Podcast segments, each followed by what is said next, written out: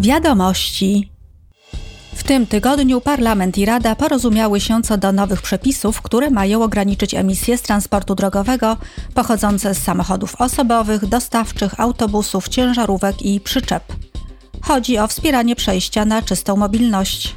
Zarazem ceny pojazdów powinny być przystępne dla osób prywatnych i firm. Nowe przepisy ograniczą też ilość cząstek stałych uwalnianych w powietrze z opon i hamulców i zwiększą trwałość akumulatorów. Parlament i Rada uzgodniły też aktualizację wytycznych dotyczących transeuropejskiej sieci transportowej. Jest to plan budowy sieci kolei, dróg, śródlądowych dróg wodnych i krótkich morskich szlaków żeglugowych połączonych portami i terminalami w całej Unii Europejskiej. Dzięki temu porozumieniu między Parlamentem a Radą będzie można zakończyć do 2030 roku zaplanowane duże projekty infrastrukturalne sieci TEN-T.